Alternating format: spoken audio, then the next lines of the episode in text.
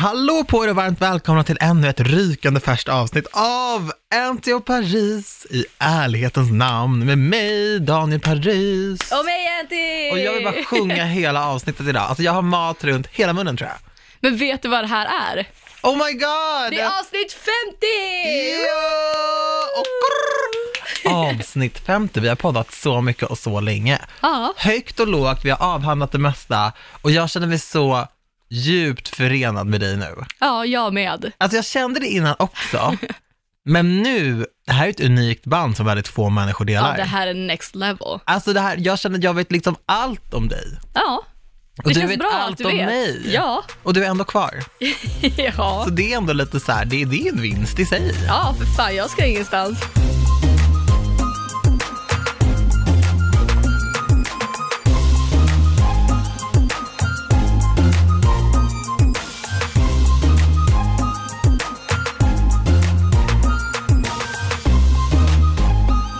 Vet du om Tonja, alltså jag kan säga så här, när vår poddis var en, en, en liten, liten bebis, bara en liten, liten tanke, när vi satt där på den där herrgården, Ja. gud vad lyxigt det låter. Ja. Jag äger inte den där herrgården för övrigt, det var ett event. Så kände jag bara så här, alltså vem hade trott det liksom? Vem hade anat? Och att det är så många som ändå så här, har kommit fram till en genom det här året och bara så här, ah gud, er podd och bara så alla DMs man har fått, man bara wow, alltså gud tack liksom. Men framförallt känner jag att den feedbacken man har fått är att folk har lärt känna oss mer Mm. och hört oss prata om saker som vi aldrig har vädrat tidigare. Och det var ju hela tanken med den här podden. För att Exakt. vi har ju andra sociala medier där folk följer oss och kan känna oss, men inte på det här sättet. Nej, och jag tycker ändå att så här, det finns ju, på samma sätt som det finns en tid och plats för allting, så finns det också forum för allting. Exakt. Och det känns inte som att så här, jag har inte haft så mycket andra fönster för att verkligen öppna upp mig på det här sättet med en kompis. Det funkar riktigt att göra det på Instagram och sen, jag har ju för sig gjort mycket tv och radio, men det har varit liksom i sådana här lättsamma underhållningssituationer, då ska det liksom, det är snabbt och fort och så här, man hinner inte riktigt. Och där har man inte alltid kontroll heller över innehållet och Nej. vad man kan prata om. Man kan ju inte sitta där och bara, nu ska vi ta upp, alltså man bara, ditt program, liksom, in, Exakt. ut och sådär. Så det känns verkligen som att man har fått, ja men lära känna oss på djupet, och det är det, det som är hela meningen, Ja. liksom.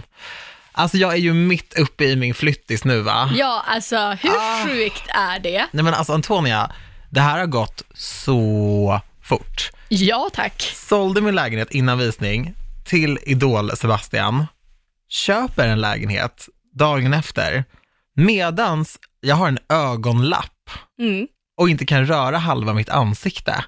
Japp. Minns du när vi skulle podda? Och jag Ja. hade ringt Kry och de bara, släpp allt du har och in till akuten. Jag bara, förlåt, va? Va? Hon Mm. bara, ja, nej hon bara, åk in. Jag bara, vart då? Jag har ju aldrig, jag har ju typ aldrig haft någon kontakt med vården. Som tur är, skulle man väl kunna säga. Den enda kontakten med vården jag haft är min bror som är sjuksköterska liksom. Men jag har ju aldrig, jag bara, vadå åka in, vadå, till en husläkare då eller? Han, honom har ju inte varit eh, hos när jag var 15 liksom. Hon bara, åka in gör man till akuten, typ. Och så klicka mig typ, basically. Och jag bara, va? Va? Och så gick ju du och jag till akuten tillsammans, promenerade upp, struntade i podda, promenerade upp för den där backen och satte oss på akuten i, ja, tio timmar. Ja. Ellen kom efter fem och bara, mm, här sitter vi. Oh. Och då ringde min mäklare och bara, tja hörru, goda nyheter. Jag bara, vad? Så här, vad, är det liksom? Ja. vad vill du? Han bara, nej men så här, och, så, och så, då berättade han ju att eh, ja, men Sebbe ville kolla på min lägenhet. Och jag bara, ja idag går det inte, för idag är jag på akuten. Men imorgon kanske, om jag lever. Och han bara, Men det var eh, ändå bra nyheter när vi satt där och hade ingen aning vad, Nej, vad som hade hänt. men du hände. var ju kolugn. Jag bara, Antonija jag kommer dö, fattar du det? Du bara, men nej. Jag bara, jo. Du bara, nej. Jag bara, okej. Så då satt jag och tänkte så här bara, men vad vet du? Du bara, nej men du kommer inte det. Men Jag du jag är ju också det. ganska dramatisk. Nej, hur kan du säga så? med, betoning på ganska. Jag bara, jag kommer att dö. Så jag kände att jag behövde ta på mig den lugna rocken för att cool you down. Förstår du att du och jag har varit på akuten tillsammans? Ja.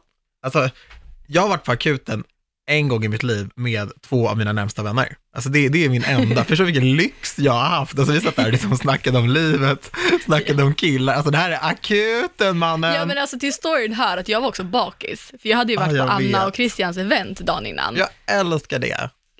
Och jag trodde Jag att älskar att det nej, men var det. Jag trodde att jag liksom hade the story att komma med, Mm. för att jag hade varit på värsta eventet, haft svinkul, slirat fast jag hade tänkt gå dit och bara så här, ja men äta middag, ta ett glas vin och så blev det inte så, jag kom hem liksom Men du halv hade fem. ju en story, jag jo, var ju jo, men förstår du att jag kom och bara, jag har the news till dig och så ringer Daniel och bara, vi måste dra till akuten. Jag ringde på Facetime, jag bara, alltså, jag måste akuten nu. Du bara, va? Okej, vi går. Jag bara, nej men du behöver inte gå. Du bara, men skärp dig, jag följer med. Det där var så real av dig att steppa upp.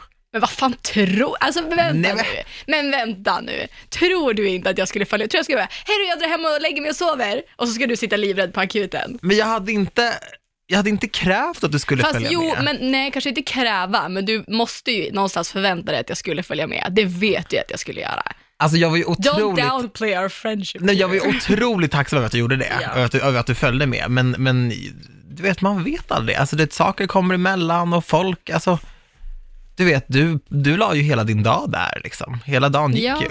Ja, men ofta jag skulle sitta hemma med gott samvete och käka chips i soffan och bara, "Ah, undrar hur det går för Daniel. Nej, men du hade Jag var ju också orolig för dig, även om jag inte satt och bara, oh my god, du kommer dö. Alltså det är ju det, alla jag har snackat med var ju så här, gud vad orolig man var, men alla har ju varit så kolugna i det här. Alltså under den här Men tiden. jag tror att det ändå är viktigt om någon är nojig själv. Att man behöver bli tröstad och alltså, man får det lugnet om man inte själv har det. Ja, alltså att om mig. vi hade suttit och eldat på och bara, ja tänk om du dör, nej men gud det här, jag har läst det här på, på internet att det kan Ja. hända så här och så här och så här. Det hade ju bara gjort situationen så mycket värre. Nej, men jag hade, jag, jag tror inte jag hade fixat det. Alltså jag är ganska lättstressad och jag är känslig, men så här, glider in på akuten och det första de säger är, ja du väntade så länge med att komma in. Alltså, jag, jag, de har gjort något fel, men det, du vet, jag är typ fel person att säga det till. Ja, Nej men och sen så liksom, jag har ju verkligen bara tagit mig tiden och liksom kurerat mig och så här, det har inte varit någon hemlighet, jag har ju gått runt med min ögonlapp liksom på, i mitt kvarter och så här, folk har ju sett mig så jag har ju inte smusslat med det, men jag valde att inte gå ut med det i sociala medier för att jag ett, inte ville oroa folk i onödan innan jag eh, visste vad det var till 110 procent och så här, två, jag ville inte att folk, för du vet det är alltid någon som känner någon som ska skriva, min farmors farmors faster hade det och hon dog liksom. Ja. Och man bara så här, kolla jag förstår. Och ibland förstår jag att folk behöver dela sin oro eller ventilera, men så här, gör inte det när jag är mitt uppe i det här. Och sen så gick jag ut med det för att jag googlade lite på det här eh, och det, det ska man inte göra. Alla frågor som man har runt vården ska man alltid ta med vården. Lita på mig när det gäller sånt. Gå inte runt och googla på era grejer för då tror ni också att ni bara har två veckor kvar. Nej men och det var så, jag hittade väldigt mycket så här ledsam rapportering kring det. Mm. Då var bara så här, men om jag kan skriva en Instagram-post om det här, för det är ändå ganska vanligt, så kanske det kan bli lite lättare, för jag hade uppskattat att se det själv. Ja, men på typ Insta eller någon som jag ändå tycker har ett så här ganska chill liv eller sådär och bara känna så här, "Ah, okej men han har haft det, det är, lugnt liksom.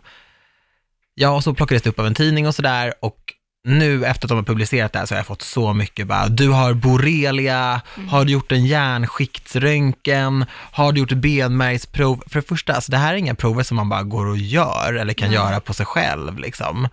Utan så här, det ska ganska mycket till så som jag förstått det eller så och nummer två, alltså jag mår bra. Mm. Det står det i intervjun, det står det i min text på Instagram, det är bra med mig nu. Men framför allt att du har ju kollat upp det. Du har ju Ja. varit hos akuten och varit hos en läkare och följt upp det här. Så Ja. att de skulle ju inte heller låta dig gå hem och bara, det kanske är någonting jätteseriöst som du kan dö av. Nej. Så att Instagram kan ju inte diagnosera dig på ett sätt som en läkare inte kan som träffar dig face to face. Nej. Nej men just att skicka så här, du har borrelia, alltså det är lite, Men det, jag, jag vet inte, är det, är det verkligen oro och omsorg eller är det bara, varför skriver man en sån kommentar? jag vet inte. Jag vet inte, för jag, jag har skrivit liksom styrkekramar eller jag finns här till både vänner och bekanta och, och menat det på riktigt. Och det är folk som har hört av sig som jag ändå, alltså när jag skriver att jag finns här så finns jag här. Ja, Men jag har liksom inte gått och spekulerat i deras hälsa nej.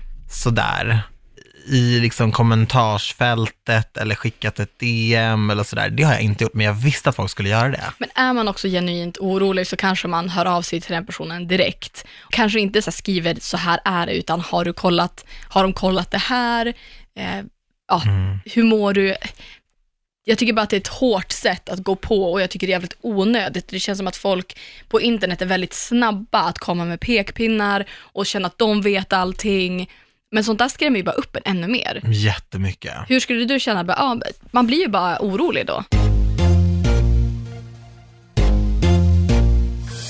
och jag gjorde en story också där jag bara berättade om, om Bells Paris och var så här, ja men ta ta det lugnt, för att anledningen till att jag gjorde det var för att jag såg en video på YouTube med eh, Therese Lindgren och hennes kille Anders, där han hade fått exakt samma sak. Mm. Och han var så här, de hade också åkt, eh, han hade en kry och de hade också sagt åkt in omedelbart, la- hela den grejen, de hade åkt in och sen så när, när de satt där och liksom åt mat och bara var så, han var så odramatisk i det och så chill och bara så här, ja ja, och du vet så här, du vet, det var så mycket spänningar i mig som släppte då. Mm. Jag var så orädd efter den videon.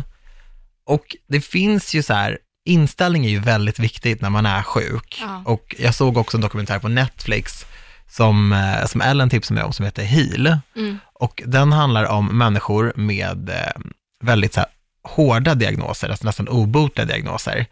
Och hur viktig deras inställning har varit, alltså placeboeffekten, hur du kan lura kroppen till att känna sig bättre och må bra tills du mår bra. Och det hjälpte mig jättemycket och nu vill jag absolut inte likna min nerv i kläm, som i princip är ofarligt, vid sådana diagnoser där folk liksom dör eller mår otroligt dåligt. Absolut inte. Det, det jag gick igenom är ingenting jämfört med det, men det tänket hjälpte mig väldigt mycket. För att vara odramatisk gjorde att jag studsade tillbaka på två veckor. Ja. Och den vanligaste är, alltså 60% blir helt bra, Mm. utan någonting, några men eller sådär, inom tre månader. Två veckor. Jag är nästan helt säker på att det hade med min inställning att göra och min stöttande omgivning, att folk ändå var chill runt Såklart. mig och inte gick runt och var hispiga. För det hade inte varit bra. Jag träffade en tjej igår, jag var på ett event igår. Ja, jag såg Ja. det. Spa och hotell. De glömde ringa mig, mannen. Men där träffade jag en tjej Ja. som hade brutit nacken för sex år sedan. Oj, Hon var elitidrottare, elitgymnast och bröt nacken för sex år sedan. det kan man ju nästan dö Ja, och de sa till henne, du kommer i princip inte kunna gå igen, du kommer inte kunna träna igen, din karriär är över och det här Jag får rysningar över hela kroppen. Ja, Alltså, hur kan man säga så? men, men Fast jag förstår att de säger realistiskt så. så, Det kan det vara, det kan vara så. Ja. Och så kanske det är det vanligaste utfallet av att bryta nacken kanske är just det att man inte kan leva sitt liv som man hade gjort innan. Ja. Men hon går idag, hon tränar, hon kan stå på händer. Alltså hon var, när jag satt mitt emot henne på middagen, jag var vilken jävla inspiration, vilken jävla stjärna. Mm. Och hon sa att hon, bara, hon föreläser om motivering och hur, ja men det här hjärnans... eh, Gud, jag hade velat lyssna. Vad heter hon? Hon heter Elin. Jag tycker 100% att ni ska gå in och följa henne på Instagram eller kolla in hennes Instagram för hon är sjukt motiverande. Hon heter Break it and you will make it. Ah. Och hon lägger ut så här balla videos, hon tränar på så här, stå på händerna och tränar på ett jävligt coolt sätt. Och, eh, och bli- prata med henne och lyssna på hennes historia var verkligen motiverande och jag vet att hon föreläser i motiverande syfte. Och det hade varit sjukt coolt att höra hela hennes föreläsning. Men det var verkligen så här, ja, fan du kan, du klarar det om du verkligen put your mind to it och bara kör. Och tänk positivt och ge inte upp. Jag tror att det är så viktigt. Och en av mina verkliga stöttepelare, det var ju min kompis Mine, min barndomskompis. Hon har ju haft bröstcancer. Mm. Och hon blev di- diagnostiserad när hon var gravid och hon har också, hon har pratat om det här väldigt öppet, både i, men på Tillsammans mot cancergalan till exempel, men också så här, men på sin Insta och lite på min och sådär, så det, det är en väldigt officiell berättelse. Det är därför jag kan prata om den, men jag, ringde, jag och hon pratade jättemycket och jag sa det någon gång när jag ringde henne, jag bara, alltså jag, jag får typ dåligt samvete att jag ringer dig och pratar om min nerv i kläm, liksom, när, när du ändå har liksom haft cancer. Och hon bara, men så där kan du absolut inte tänka. Mm. Bara, det är väl klart att hon bara, du har ditt, jag har mitt. Hon bara, jag förstår dig. Jag förstår att du är rädd. Jag förstår att du inte vet när det kommer släppa. Och jag förstår att du är nervös över det här. Mm. Men liksom, hon bara, och, och så sa jag så här, men tänk, tänk om jag aldrig kan blinka igen. Tänk om jag aldrig kan le igen. Tänk om jag aldrig kan artikulera ordentligt igen. Och så sa hon det, men Daniel, jag hade, hon bara, jag har haft cancer. Mm. Och jag, jag, kolla på mig, hon bara, jag har repat mig. Hon bara, tekniken har kommit hur långt som helst. Hon bara, säg att du behöver opereras. Precis som jag behövde Mm. för att få tillbaka vissa delar av min kropp. Hon bara, det går. Ja, Och då får du ta det då. ja, Låt inte det här stressa dig liksom. nej. Och, Nej men det är, det är som om man skulle gå runt och vara orolig för att dö varje dag, då skulle man ju inte leva sitt liv. nej. För det är ju, det är ju en självklarhet, man, alla kommer dö. Mm. Vi vet inte när, vi vet inte hur, så därför kan vi inte oroa oss för det nu. Nej, men jag har ju alltid trott, det är det här som är grejen med Antonia, jag har alltid förutsatt att så här, alla människor får ett långt liv, man lever, man blir gammal, sen dör man. Men det finns ingen garanti på det. Absolut inte. Jag vet inte om jag kommer bli gammal, jag vet inte om människor jag älskar kommer bli gamla.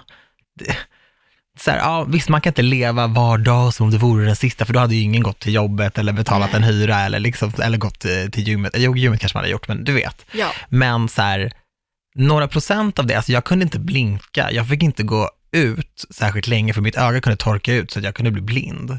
Du vet. Jag satt och kollade på folks stories när de var utomhus och bara, gud vad mysigt att kunna gå på bio ikväll. Gud vad mysigt det var bland folk. Gud vad mysigt att gå och käka utan att folk bara, oj. Mm. Helt plötsligt förändrades det. Och sen när jag blev bra var det som att jag alltid var så här, ute på gatorna hela tiden. Så jag snackade med någon som bara, vart är du? Jag bara, nej jag är, tog en cykeltur. Hon bara, nu? Jag bara, gumman, jag har suttit inne i två veckor. Alltså det, ja, jag tar en cykeltur, sen kanske jag går och tar en fika själv. Sen kanske jag går till en kompis jobb och säger hej. Alltså jag ska ut, jag ska se folk, jag ska bara maxa det här. Jag tror aldrig jag varit så glad och så trevlig mot mina grannar eller min familj. Jag bara, hur mår ni, vad gör ni? Du vet, Det är, som att, det är som att födas på nytt när man har Ja. gått igenom någonting tufft och sen kommer tillbaka. Mm. Så ja, guldstjärna till alla som faktiskt har hört av sig och sådär. Och, och även ni som har hört av er, jag tänker att ni har gjort och, och skrivit så här, du har det här.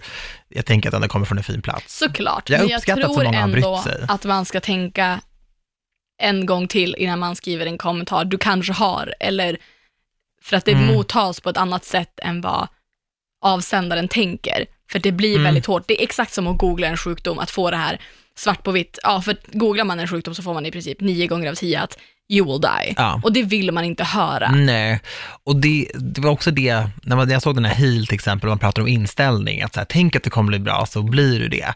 Det har ju också att göra med att man inte går runt och grubblar eller oroar sig eller stress, blir stressad över saker och ting. Exakt. Och då att få höra så här, ja ah, min farmor hade det, eh, hon dog inom två veckor, är lite så här, det kan också påverka inställningen. Exakt. Så du gör ja, men det är också inte inte hela historien, så jag tycker inte, man kan inte heller jämföra Nej. en historia med en annan. Men har du Även fått mycket pekpinnar någon gång när du har gjort någonting eller fått liksom oönskad input kanske på din YouTube-kanal eller, eller på DM eller Twitter gällande något? Alltså jag upplever ju att många har saker att tycka och tänka om barn. Mm.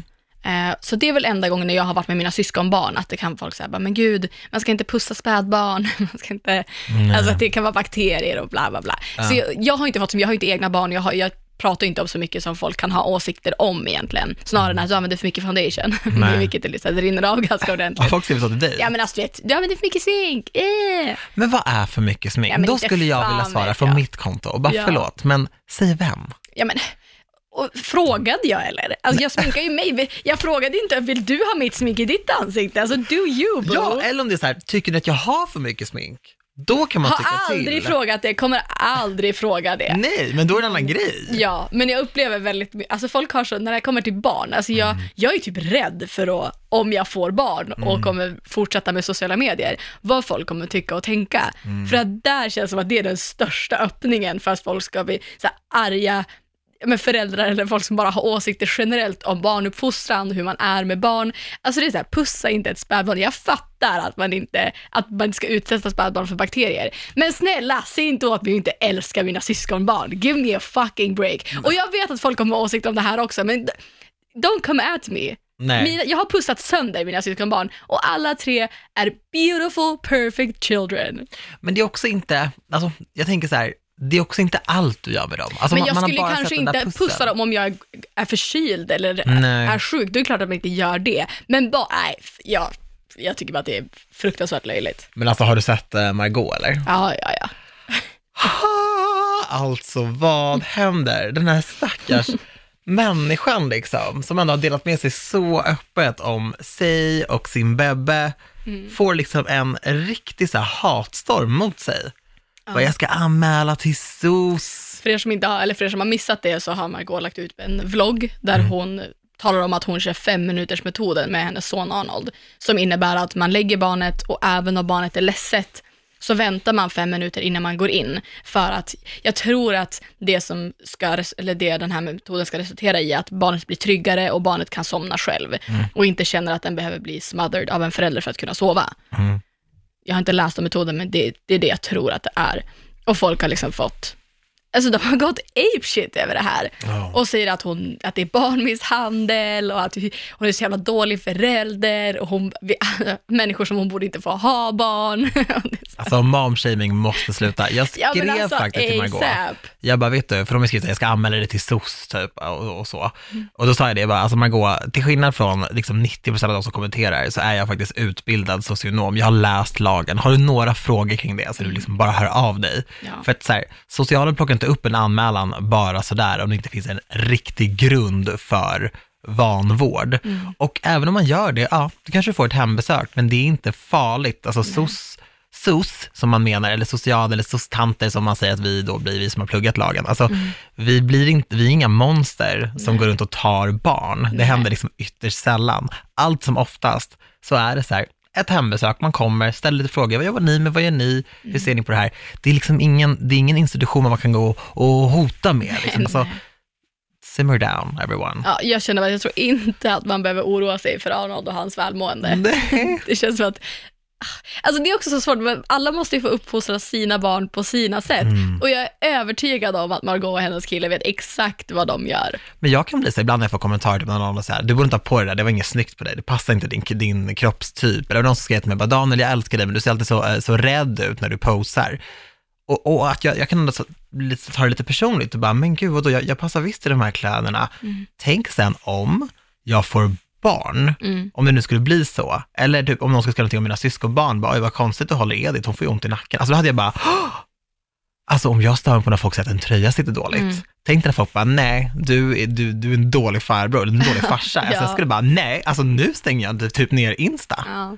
Alltså man är ju ändå så här, man är ju skör liksom. Ja, men jag tycker också att det är så fel, för att folk vill ju verkligen se, alltså familjekanaler och familjekonton Ja. går ju jättebra, så de vill ju se hur, en, hur en familj ser ut och framförallt kan jag tänka mig att det är ballt att se hur en influencer är med sin familj och Ja. hur det ser ut hos en familj med någon som kanske inte har ett vanligt jobb eller bara så att man får se väldigt mycket. Jag tycker att det Mm. är sjukt spännande. Men att sen komma och hata så fort en förälder är äkta. För man kan inte heller, men klart hon hade kunnat visa upp en fasad att Arnold aldrig gråter och att allt är perfekt. Du och bara att, klippa, klipp, klipp. Såklart, alltså Ja. vi har ju the power att få våra liv att se ut exakt som vi vill. Mm. Men så fort någon är äkta då, vilket jag tycker att man ska vara sjukt tacksam över, och Mm. folk kommer att hata då och kommer väl liksom Ja, alltså pekpinnar och bara hat och hot. Alltså det är så, vad, vad gör ni? Nej. Guldstjärna till Jakob och Margot. Vi älskar er.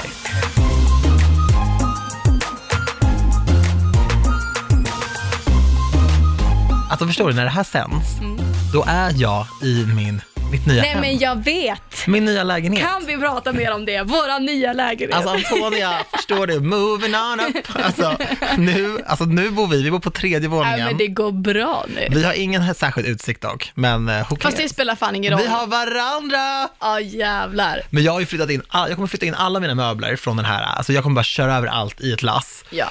Och sen så får jag liksom pö om pö, men snacka lite med dig, hon Mm. som hjälpte mig med, med att sälja min lägenhet var också så här, men liksom, jag känner ju henne, hon bara, men jag, jag kan hjälpa dig om du vill så här, ha, ha förslag på lite grejer och sådär. Men tanken var ju att jag skulle så här, bjuda in till ett häng då och verkligen så här, eh, packa ner och bara lyssna på hög musik och dansa runt. Men sen så fick jag Bells Paris Mm. och fick inte anstränga ögat för att jag kunde inte blinka. Nej. Så du vet, jag bara, hur ska jag flytta? Ja. Men jag har faktiskt, jag har anlitat en, en flyttfirma Mm. som, heter, som heter Pandy. De har den här appen. Jag har sett om dem. Alltså de, det är så gulliga människor som jobbar där, för jag skrev till dem, jag bara, det här är kort varsel. Här, Jag skulle ha packat själv och eh, nu kan inte jag göra det. Och eh, visst, jag kan ladda ner appen, men jag ser typ inte. Så här, jag måste använda mitt ena öga, det andra var ju dimmigt av allting. Så de bara hjälpte mig att komma igång. De gör alltså nerpack, kommer flytta allting och flyttstäd.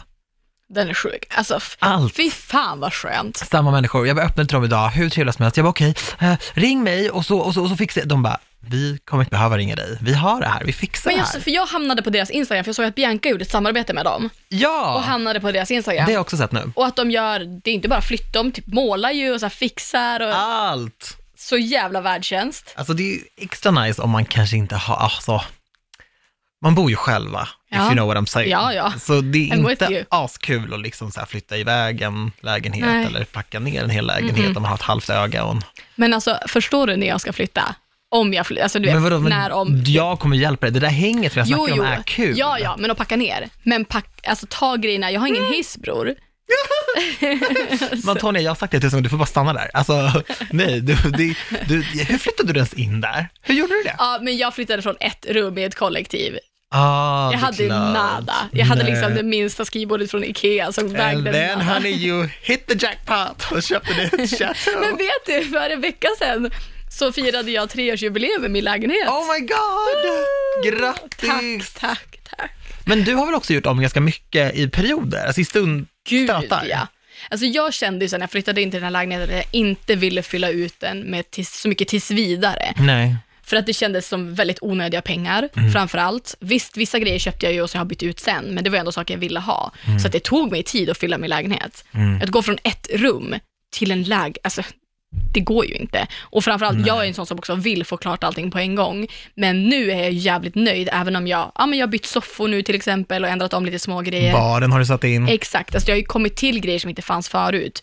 Men jag kände absolut ingen st- stress egentligen, för att jag, hellre att jag eh, vill, eller har det jag vill ha, än att jag ska så här spendera- Antonia, Mm. stressa ner min kära vän. Ja, ja, För men annars vaknar du upp en dag kan inte blinka. Alltså jag säger till dig, jag var, kolla, när jag flyttade från min etta till Mm. min tvåa, då hade jag, jag har aldrig haft så mycket på min tallrik som jag hade då. Jag jobbade Mm. så mycket, jag jobbade morgon 5 till 10 och efter det, det var ett heltidsjobb, men jag såg ju inte det som det, för jag var minsann klar klockan 10. Mm. Så efter det var det möten och jobb och det och det och det och det.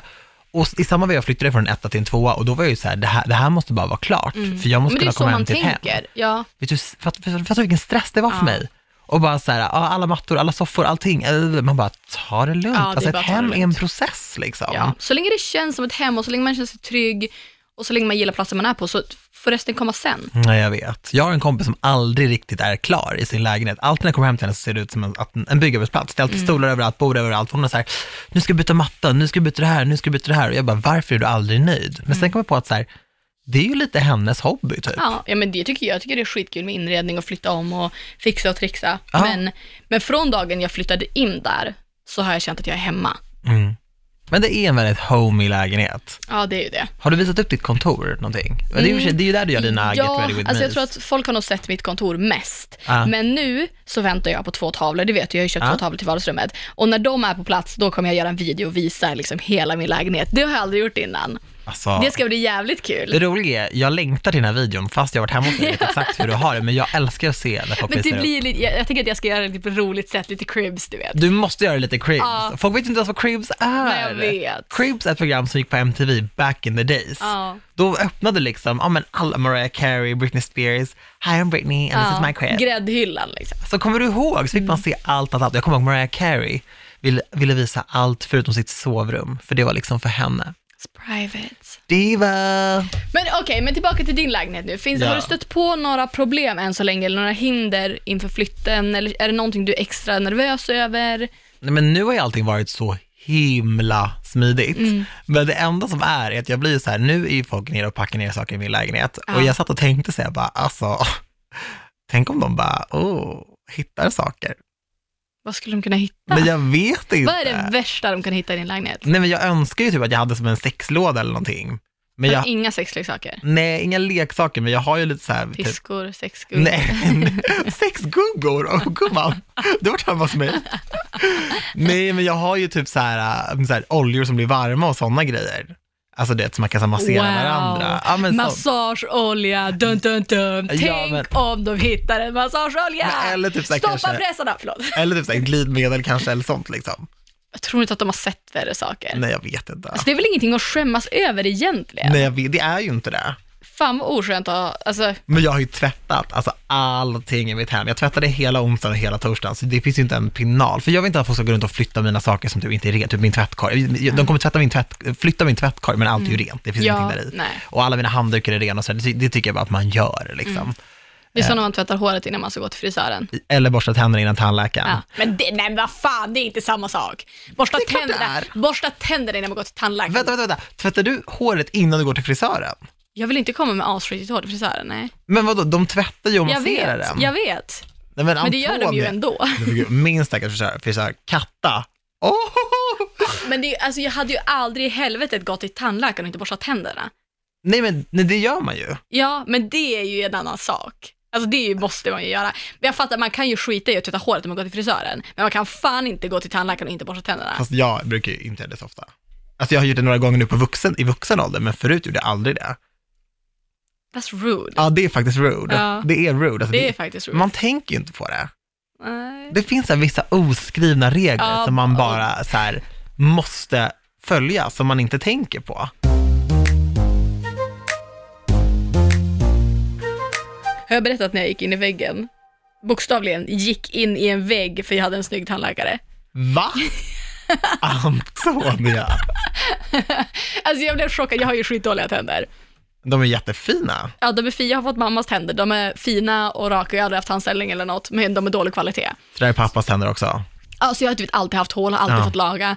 Och sen så, när jag skulle till tandläkare så har jag haft en, en kvinnlig tandläkare som är, ja jag har haft den jämt. Ja. Det här var i Umeå. Och sen så skulle jag gå dit och göra en kontroll och så kom jag dit så blev jag uppropad av en kille som, alltså, han var typ 25 och svinsnygg. Och jag bara, Nej, jag hatar sånt jag bara, vad händer? Du vet, jag, jag sitter typ, alltså jag är inte snygg. Alltså vad var Men åh gud, jag är inte snygg. Alltså Antonia, you're a knockout. You Men, always men, nej, men, are. låt, men, men låt mig berätta historien nu. Så jag går in med honom och tänker så här, okej han ska bara visa mig var jag ska vara. Han kanske bara är där för att, all, inte vet jag, jobba med min tandläkare. Ja, typ nurse. Ja, och han bara, nej hon är inte här idag, så det är jag som kommer ta hand om dig. Jag bara, fan!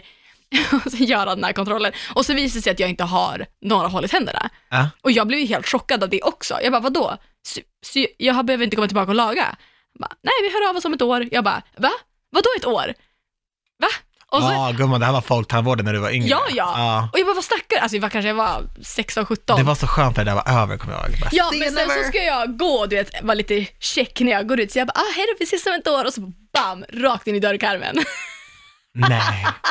Oh my Och god. bara, ja. Och sen när jag kommer tillbaka om ett år, då jävlar tror inte jag har sminkat mig, det är helt fräsch. Och så är han inte där. Nej, Då var det ju hon igen. Hej, välkommen. Nej Oh. men gud vad fin du är, vad ska du göra sen? Det var, Fan! var, where's your friend? Fucking töntigt att göra så egentligen, but I did. Alltså, folktandvården, de där dagarna, jag kommer ihåg det, så träffade man alltid folk från skolan Mm. i väntrummet. Så var tja, hej. Så var man så cool. Ja, det värsta var när man träffade någon man kände hos eh, gynekologen. Eller ung, vad heter det? Mot, Can't relate. ungdomsmottagningen. Har du aldrig varit på ungdomsmottagningen? Nej, nej, men jag har varit på något sånt där lite senare när jag var vuxen.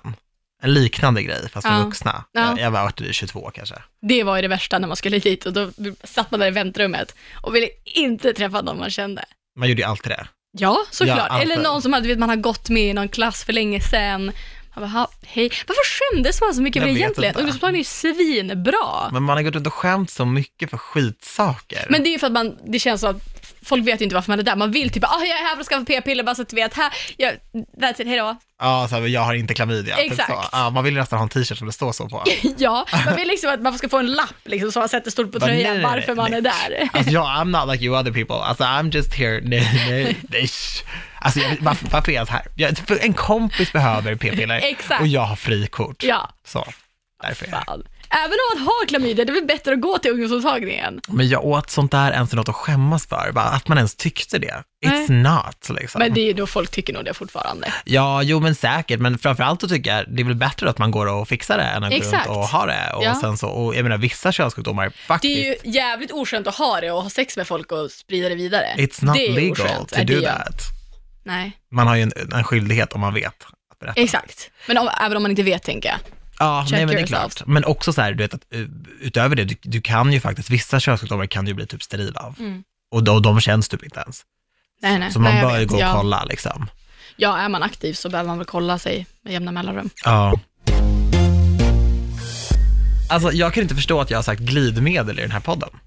Varför inte? För jag, jag har inte sagt det på Säg det 50 poddar. Glidmedel. Ja. Glidmedel, Har du en sån här glidmedel. stor glidmedel på pump som man kan ha på sängbordet? Nej, alltså jag har faktiskt bara en liten som jag fick, eller inte en liten, en lagom som jag fick i ett pressbud förut. Och på tal om ämnet, det är vårt 50 avsnitt idag. Yes. Och vi ska ju såklart fira det här. Ja, Så vi tänkte att vår firande blir sexpodd nummer två. Ja, Eftersom att ni har bett om det och det var så uppskattat så vi tänker att det blir firar-avsnittet. så jag kommer att resa till Thailand och så kommer Antonia sätta sig och prata sex. Helt- No, no, no, Nej, jag stannar i Sverige.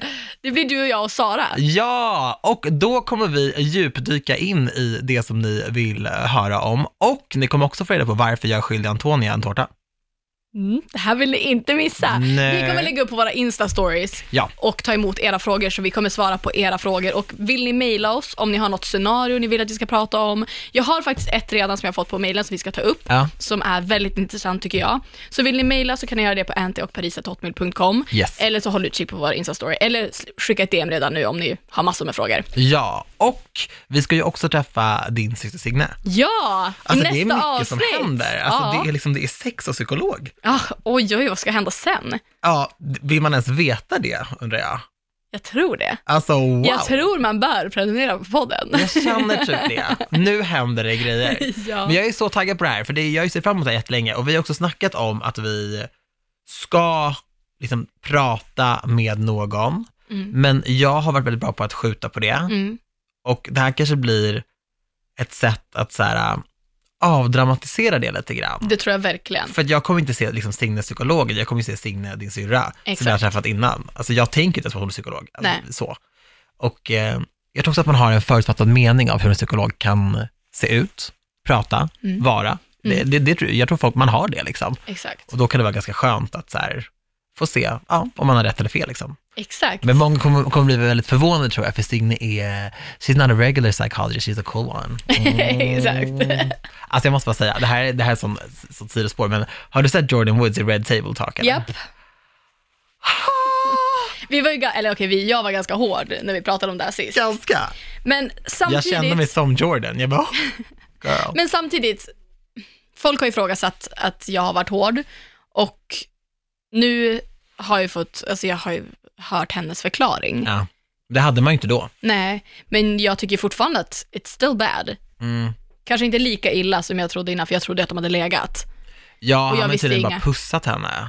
Men tycker inte du att Tristan har kommit undan väl? Han har, bara, han har stängt av Ja, kommentarsfunktionen på Insta. ja, ja, det är hon som har fått tagit skiten, men så är det alltid, det är alltid, man bär sig alltid tjejen. Och det finns så många memes på eh, så här, Twitter och sociala medier där det är så här, eh, så typ en bild på när Tristan kanske typ kliar sig i skägget, så bara Tristan is trying to figure out what to do to escape this family. Alltså att han bara, så här, han gör allt för att han vill ju inte vara med Chloe verkar det som. Nej. Så. Men jag känner också, en kompis till mig sa en poäng som faktiskt, ja, det, det är väldigt sant. Mm. Om en person kan vara otrogen mot en while pregnant Mm. with your child, vad förväntar man sig efter det, egentligen? How you get them is how you lose them.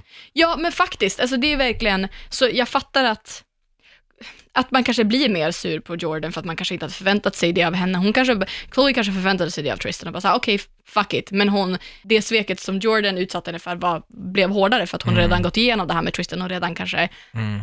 tappat det förtroendet. Så att det blev, blev hårdare. Men Tristan Men så- lämnade ju sin gravida tjej för att vara med Chloe. Ja.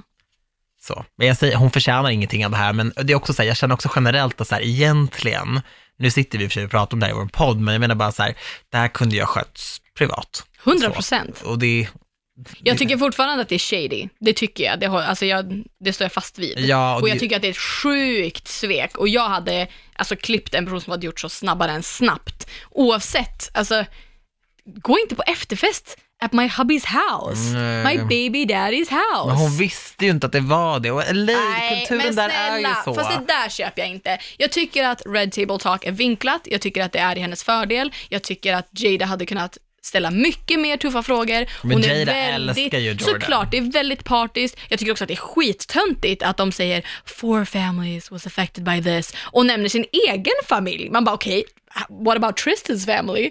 Det är som att Tristan inte ens är med i det här dramat. Fast Jada är ju tight med Jag Jordan. fattar, men det är fortfarande inte deras issue. Nej, egentligen inte. Det är som att du och Ellen skulle bråka och jag skulle bara “and my family was affected”. bara, What the fuck? Bra. Oh my god, alltså hemska tankar att vi ska sitta runt ett rött bord och bara well. Men du fattar vad jag menar, det blir lite töntigt. Att, och det blir också så här att börja klippet med att Will Smith säger I love you, you're my bla bla bla, du vet. Det, redan där så har alla tittare som älskar Will Smith redan bestämt sig för att Jordan is fine, Jordan is good. För att han, det blir ju ob- alltså, eller det blir partiskt som fan. Och att han går in och liksom går i god för henne gör ju väldigt mycket. Alltså han är ju Uncle Will liksom. Ja, men först, ja, exakt. Och hela hans fanbase kommer inte bara hata på Jordan då, för då har han redan liksom, Men jag tycker ändå så här, vill man så bör man kolla på det här Red Table Talk. Alltså jag har kollat på ganska mycket. Jada Pinkett Smith är ju väldigt, hon är ju väldigt bra liksom. Men jag hade trott att det skulle sitta flera runt det där bordet. Jag hade velat ha någon som var, som kanske inte kände Jordan och som kanske bara, men typ jag. Fattar du? Men som jag. Stay Som, nej men förstår du vad jag menar? Som ändå är väldigt nyfiken på, som är lite mer, som pushar henne lite mer och ställer henne lite mer de här hårda frågorna som alla undrar. För jag känner att jag fick inte svar på alla mina frågor. Och det är såklart fler som jag där ute som fortfarande tycker att det här är shady business. Mm. Och att Jada är väldigt såhär, okej, ja men det var bara en puss, alright, okej. Men hur kommer Kylie göra tror du nu? Kommer hon kunna vara vän med henne? Jag vet fan inte. Kommer det här vara med på Keeping Up? 100 procent. Alltså det är jag tror säker på. Mamma Chris sitter Ja, där du, de vill inte tappa de visningarna. en storyline, äntligen. Ja, men ah, det är klart att hon räknar pengar. Ja. Såg att Kylie Jenner nu är the first self-made liksom, billionaire i, The youngest. ja, the youngest i cosmetics-världen. Mm. Ja. Wow. Well done girl. Alltså wow, den där familjen, det är riktigt coolt jag ska inte alltså. säga well done Kylie, jag ska säga well done Chris Jenner. Ja, men ändå, alltså, här, Kylie tycker jag, hon är, sån, hon är en sån underdog på så många sätt. Att, så här, hon växte upp, blev väldigt hånad för sitt utseende, har en ganska lågmäld röst och är så här, men ändå så här, grindar på liksom. Jag tycker det är ganska coolt. Det är klart, alltså jag tycker att alla som är self-made och alla som lever sin dröm och gör det de vill göra är balla som fan, alltså Mm. kudos. Och jag tycker att även om så här, Kardashian-Jenner-familjen är en, ett, en familj i sig, Mm. så är de ändå inspirerande på många sätt. Att de ändå gick från att bara vara en average fam Mm. till att vara i princip världens kändaste familj. Ja, och jag tycker ändå så här, hela grejen till exempel med, med Caitlyn och, och allt man ändå fick se när ja, men Caitlyn berättade om hur det var liksom att gå från den här OS-hjälten till att bli Caitlyn som, som hon alltid har varit. Att så här, de är ändå, så här, de står ändå för bra saker och jag tycker ändå att så här, de sprider ändå någon slags acceptans som jag tycker är väldigt, väldigt viktig och väldigt fin. Mm. Och jag vet att när Donald Trump eh, typ stängde ner Planned Parenthood i USA, eller drog in all funding, för han har ju makten att göra det, och det, de ser till att jättemånga liksom, hbtq-personer kan bli föräldrar, eller många som har kämpat med barnlöshet och sådana saker, att man och också så här, Planned Parenthood har som en motsvarighet till ungdomsmottagningen där man kan komma och typ testa sig för typ inga pengar eller få medicin för typ inga pengar. Det, det finns ju typ inte i USA, där måste du betala för din vård. Så många unga går runt och sjuka. Allt det skars ju i när, när presidenten stängde ner det. Men då, då åkte liksom, ja, men Kim och Chloe och några till, till Planned Parenthood, lyssnade på deras arbete, ja men la upp Insta-poster och bara så här, det här är så himla viktigt arbete och så här, ja, vi kommer fortsätta stötta dem. Det tyckte jag ändå var alltså så jag här, kan inte gå i god för så mycket av vad de står för, för jag har inte så bra koll. Jag, har, jag är fortfarande ganska många säsonger efter i Keeping, keeping Up. Men eh, ja, alltså, det är klart att de gör bra saker. Alltså. Mm. Ja, jag Dang. tycker ändå det. Men eh, ja, så jag hoppas att allting löser sig. Ja, vet du Daniel, vi måste rappa för du ska iväg. Ja, jag ska gå och hämta mina nycklar till min nya Hur lägenhet. jävla sjukt! Alltså imorgon när jag vaknar och stänger dörren Ja. och låser, då är inte det mitt hem Nej. längre. Alltså jag, jag har inget där att göra. Har du separationsångest? Ja, men jag fick det nu. Alltså förstår du, jag stänger dörren imorgon, då är det så här, det, är inte, det är inte mitt hem, det här är inte mitt hem. Jag kommer stänga dörren för sista gången, jag kommer åka med hiss för sista gången. Sen kommer jag lämna över nycklarna och bara, okej, alltså får jag behålla nyckeln? Jag måste komma och se till att allt är okej med den. Alltså så här, kolla till min lägenhet lite då och då. Can't do that. Nej, jag frågade, han sa nej. Du får fråga om jag vill börja dejta dig. Oh. Kanske någon annans. Alltså vi har sagt att vi ska dricka vin ihop. Han bara, du får jättegärna komma förbi. Ja, han sa det, han bara, alltså du är jättevälkommen, vi kan ta ett glas vin här liksom någon dag. Jag bara, och då hade jag ögonlapp. Förstår Oj. du? Han har sett mig at my worst. Jag borde bara gifta mig med Sebastian Valdén. Ja, Hörni, tusen tack för att ni har lyssnat. Som alltid blir vi så glada när ni delar oss i era sociala medier. Så hörs vi nästa vecka. det gör vi. Då blir det ett mycket behövligt psykologavsnitt. 100 procent. Säg det, jag vill att du säger det. Puss, Puss och hångel! Ja! Avsnitt 50, wrap up! Så nice.